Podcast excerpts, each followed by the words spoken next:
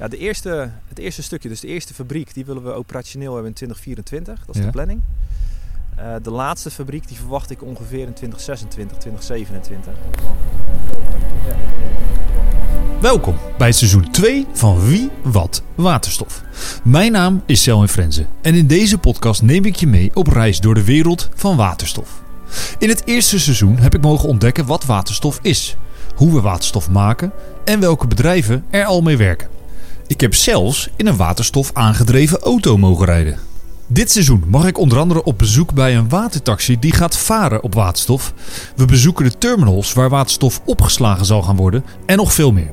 Maar we starten in de Rotterdamse haven. Op het conversiepark, om precies te zijn.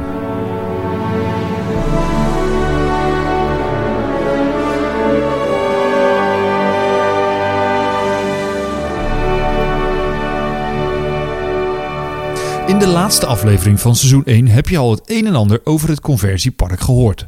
Om precies te zijn over de Holland Hydrogen One, die op het conversiepark gebouwd gaat worden. Dit is één van in totaal vier waterstoffabrieken die er gaat komen. Ik ben benieuwd wie die andere drie partijen dan zijn. Maar ook hoeveel waterstof hier straks geproduceerd zal gaan worden. Om hierachter te komen spreek ik met Randolph Weterings. Hij is programmamanager elektrificatie en waterstof voor het havenbedrijf Rotterdam. Randolph is verantwoordelijk voor het volledige programma van waterstof, import, export, productie, infrastructuur en ook het gebruik in de haven en het achterland. Ik heb met hem afgesproken op het terrein waar het conversiepark gaat komen. Rechts. Ja, zie je hier. Nou, dit wordt het conversiepark. Oh, en daar is S- Randolph al.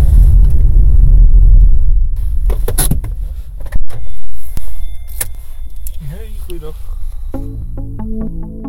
We weten dus dat de Holland Hydrogen One hier op het conversiepark gebouwd gaat worden. Maar welke bedrijven gaan hier nog meer waterstof produceren?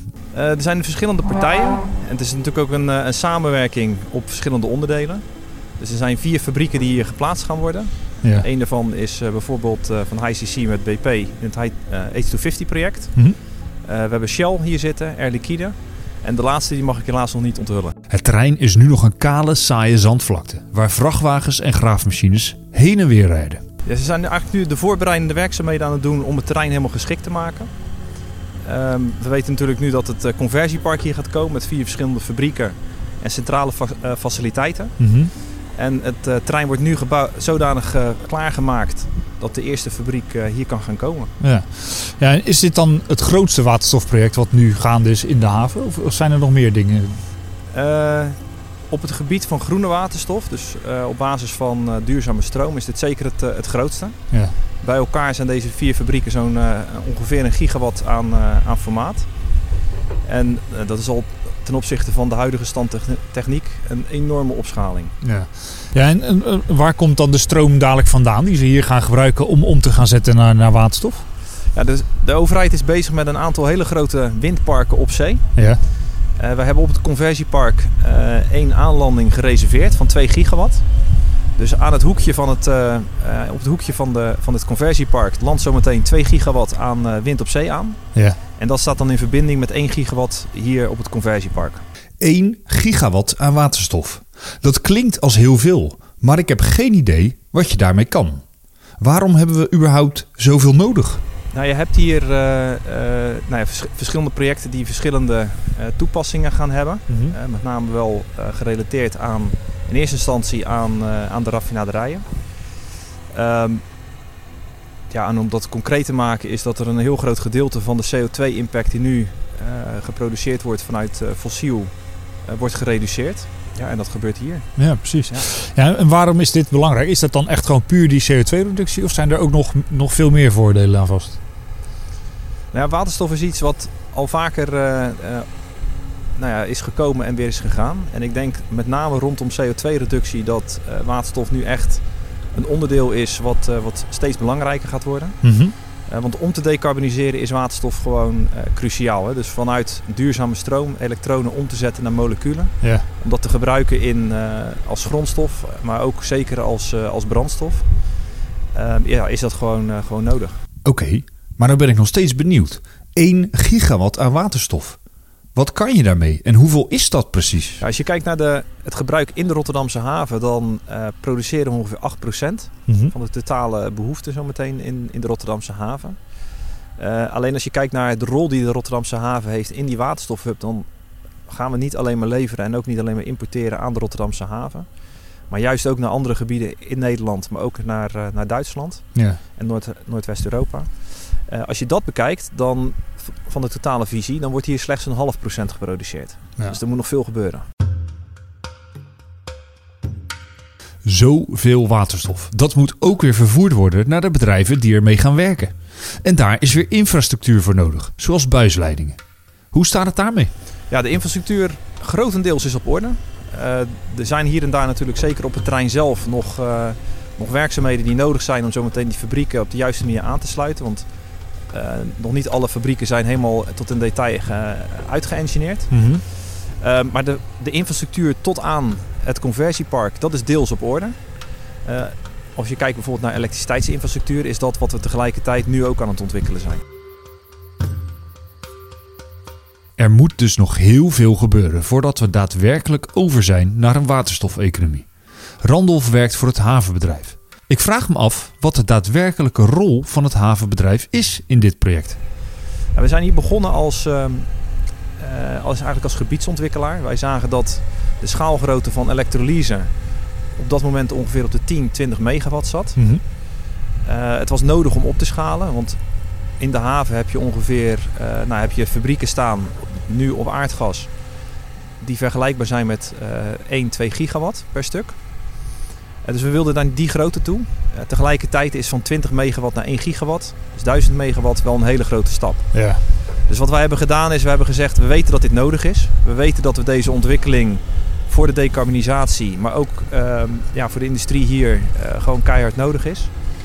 Uh, dus hebben we gezegd, we ontwikkelen een plot waarbij we uh, de infrastructuur uitleggen op een gigawattschaal. Mm -hmm. Maar door verschillende fabrieken bij elkaar te plaatsen, die kunnen opschalen naar 200 megawatt, de ruimte te geven om te schalen dus naar 1 gigawatt. Uh, en onze rol hierin is geweest om, nou, om dat te faciliteren. Ja. Partijen bij elkaar te brengen en de gebiedsontwikkeling uh, op orde te hebben. Ja. En hoe lang ben jij hier dan al mee bezig met dit project, met het conversiepark? Ja, ik zat eens te kijken in mijn uh, archief. Van wanneer was ook alweer de eerste contacten dat we hiermee zijn begonnen. Ja. Dit project is gestart in, uh, om en nabij in 2018. Toen hebben we de eerste stappen gezet naar een conversiepark. Toen we daarmee begonnen was het ook wel, nou was het zeker uniek. Was het het grootste wat er denk ik over heel de wereld wel, wel was op het gebied van groene waterstof. Ja. En ja, waren er toen nog heel veel vraagtekens. En nu staan we hier en ja, zien we dat uh, er gewoon uh, werkzaamheden gebeuren Ja. om het klaar te maken. Er gaat iets gebeuren. Er ja. gaat iets gebeuren. Ja, er gaat dus echt iets gebeuren. Maar wat precies? En wanneer? Wanneer gaan we echt iets zien hier op het conversiepark? Nou, de bedoeling is dat uh, de eerste fabriek in het tweede kwartaal van dit jaar een investeringsbesluit gaat nemen. Mm -hmm. En op dat moment gaan ook gelijk de, de eerste werkzaamheden starten om hier fysiek te gaan bouwen. Ja. Uh, dus dan zullen we een, een, een kwart zullen zeggen, van het uh, conversiepark zullen we, uh, nou, zullen we heel veel werkzaamheden gaan zien om die fabriek uit de grond te stampen. Die eerste fabriek waar Randolph het over heeft, dat is dus de Holland Hydrogen One van Shell. Vorig seizoen sprak ik hierover met Lijs Groenendaal van Shell en Vincent van der Meulen van Kraaivanger Architecten. Um, nou, wat het uniek maakt is dat het uh, een van de, de eerste grote waterstofprojecten hier in, uh, in het havengebied is. Mhm. Dat het het eerste grote waterstofproject in het conversiepark is. Echt aanjager en de katalysator van, van die hele waterstof. Uh, ontwikkeling in de haven. Maar dat het dus ook twintig uh, keer groter is dan wat, uh, wat Shell ooit, ooit gebouwd heeft in, in waterstof. We kijken nu naar een enorme zandvlakte die, nou ja, we hoorden net al, zes voetbalvelden groot is. Mm -hmm. Waar komt de fabriek ongeveer te staan straks? Ik denk dat we hier ongeveer bij het einde staan. Nou, hier zullen we nou, twee derde van de fabriek staan. Ja. Nou, die gaat dan, je ziet hem dan van je afbuigen. We staan, uh, hier komt hij dichtst bij de weg, dus dat is 20, 30 meter van de weg af. Ja. En vanaf waar wij nu staan, zal dus een landschap dat wat heuvelachtiger zal worden en groener dan wat we nu zien. Mm -hmm. Met ook waterpoeltjes erin en allemaal dat soort dingen. Ja. En daarachter zie je dan een meer zilverkleurige eh, eh, nou ja, gedijende eh, eh, wand. Die daar wegbuigt en aan de andere kant wegbuigt. En daar zie je dan ook die houten toren richting de rotonde. Ja. Zie je die houten toren? Nou, die was een dikke 40 meter hoog. Ja. Die zie je dan als icoon daarop. Nou, Naast Shell zal ook HCC zich vestigen op het conversiepark. HCC staat voor Hydrogen Chemistry Company. Zij doen dit als onderdeel van H250. Ik ben benieuwd wat dat is. Om hier antwoord op te krijgen heb ik naast Randolph ook met Martijn van Loon afgesproken bij het conversiepark. Althans, bij wat het conversiepark gaat worden. Hij is business developer en projectleider bij HCC en is zodanig betrokken van ontwikkeling tot de investeringsbeslissing voor hun waterstoffabriek. Ja, A250 is een, eh, samenwerking tussen eh, BP, het eh, wereldwijde energiebedrijf, en, eh, en HCC, de Hydrogen Chemistry, Chemistry Company, waar ik, waar ik werk. En we willen hier een eh, 250 megawatt eh, waterelektrolysefabriek eh, gaan bouwen. En dat is een fabriek die groene waterstof maakt vanuit, eh, vanuit duurzame stroom. En hoe is die samenwerking tot stand gekomen met die, met die andere partijen? Ehm, nou, een aantal jaar geleden werd er in Nederland eh, druk gewerkt aan het eh, klimaatakkoord. En toen werd ook in de regio's gekeken van ja, wat kunnen we doen om nu Nederland te, te verduurzamen. Mhm. Ehm, en in Rotterdam, waar wij als, eh als ICC en ons moederbedrijf eh, actief zijn met, de met de grote fabriek. Eh, en hetzelfde geldt natuurlijk voor BP. Zo, dus op die manier kwamen we in elkaar, met, in elkaar, met elkaar in contact. Om te kijken van ja, wat kunnen we nu doen om te verduurzamen en de CO2-emissies naar beneden te brengen. En toen kwam het idee om ja, grootschalig groene waterstof te gaan maken Ja. hier in Rotterdam. En die, die groene waterstof die jullie hier dan gaan produceren, waar, waar gaat die voor gebruikt worden? Ehm, nou, hier in Rotterdam zijn, zijn al heel veel gebruikers van, van waterstof. Eh een daarvan is eh, de raffinaderij van BP. Dat is Mhm. een van de grootste raffinaderijen van Europa. Ehm, dus daar, die groene waterstof kunnen we grijze waterstof eh, vervangen. Dus dat maken we om, om schonere brandstof te maken. Ja. En tegelijkertijd zien we heel veel andere toepassingen, zowel hier andere industrieën en om bijvoorbeeld om materialen te maken, maar ook in de mobiliteit. Denk dan aan bijvoorbeeld vrachtwagens of scheepvaart. Dus waar, waar, waar je wil verduurzamen en waar elektriciteit eigenlijk geen oplossing is. Ja, precies. Ja, je zei net al die, hoe die samenwerking tot stand is gekomen. Maar eh, waarom is het eigenlijk, ja, waarom zijn jullie gaan samenwerken? Waarom niet eh, als Nobian alleen, zeg maar? Ehm, nou, je ziet hier dat je allerlei zaken bij elkaar moet brengen om, van, eh, om zo'n project van de grond te krijgen. Dus je hebt natuurlijk heel veel elektriciteit nodig. Je hebt een klant nodig die de waterstof kan, kan afzetten.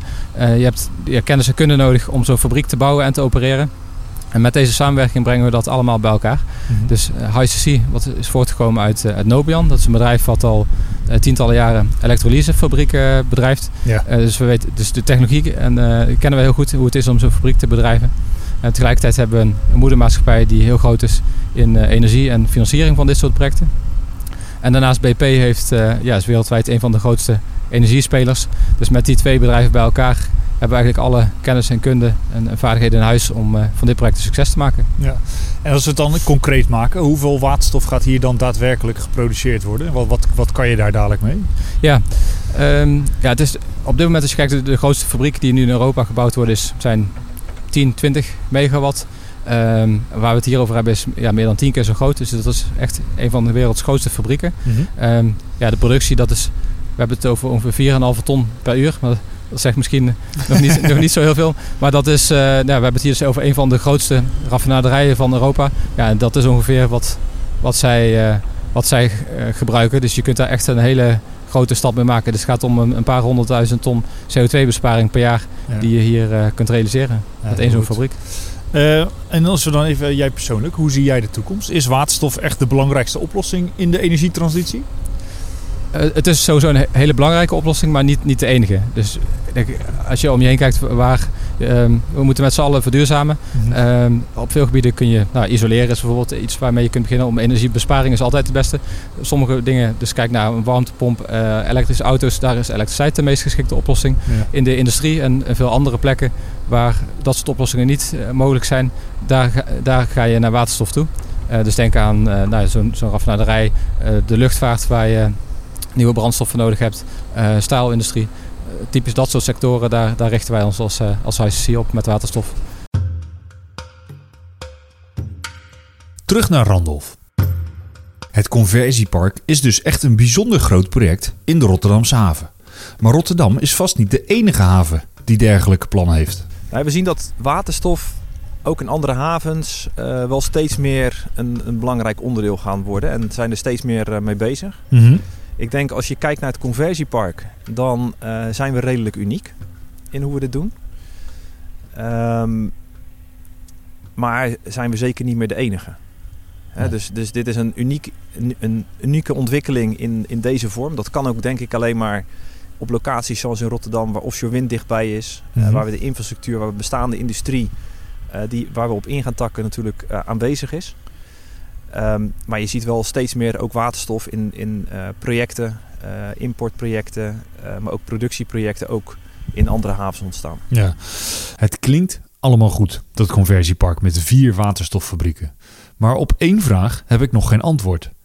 Wanneer wordt er hier nu daadwerkelijk waterstof geproduceerd? Ja, de eerste, het eerste stukje, dus de eerste fabriek, die willen we operationeel hebben in 2024. Dat is ja. de planning. Uh, de laatste fabriek, die verwacht ik ongeveer in 2026, 2027. Oké. Okay. Uh, en dan zal dus het eerste conversiepark, of dit conversiepark waar we nu staan, uh, volledig moeten draaien. Dit is Wie Wat Waterstof. De podcast waarin jij alles te weten komt over waterstof. Mijn dank gaat uit naar Randolph Weterings en Martijn van Loon. Wil je nog meer weten over waterstof en deze podcast? Neem dan een kijkje op onze website portofrotterdam.com slash wie wat waterstof. Vergeet geen rating achter te laten op de podcast en je te abonneren. In de volgende aflevering van Wie Wat Waterstof gaan we op bezoek bij de terminals waar waterstof straks opgeslagen zal worden. Ik spreek dan onder andere met Tamme Mekkes bij kolenterminals. Ik denk dat we de eerste jaren, dus tot 2030, kunnen we in ieder geval best veel van de waterstof die we gaan gebruiken in Nederland zelf opwekken. Dan wel in de haven, dan wel misschien op zee. Ja. Um, maar op een gegeven moment gaat de transitie echt, echt hard lopen. En willen we voor alle brandstof en energie over naar duurzaam.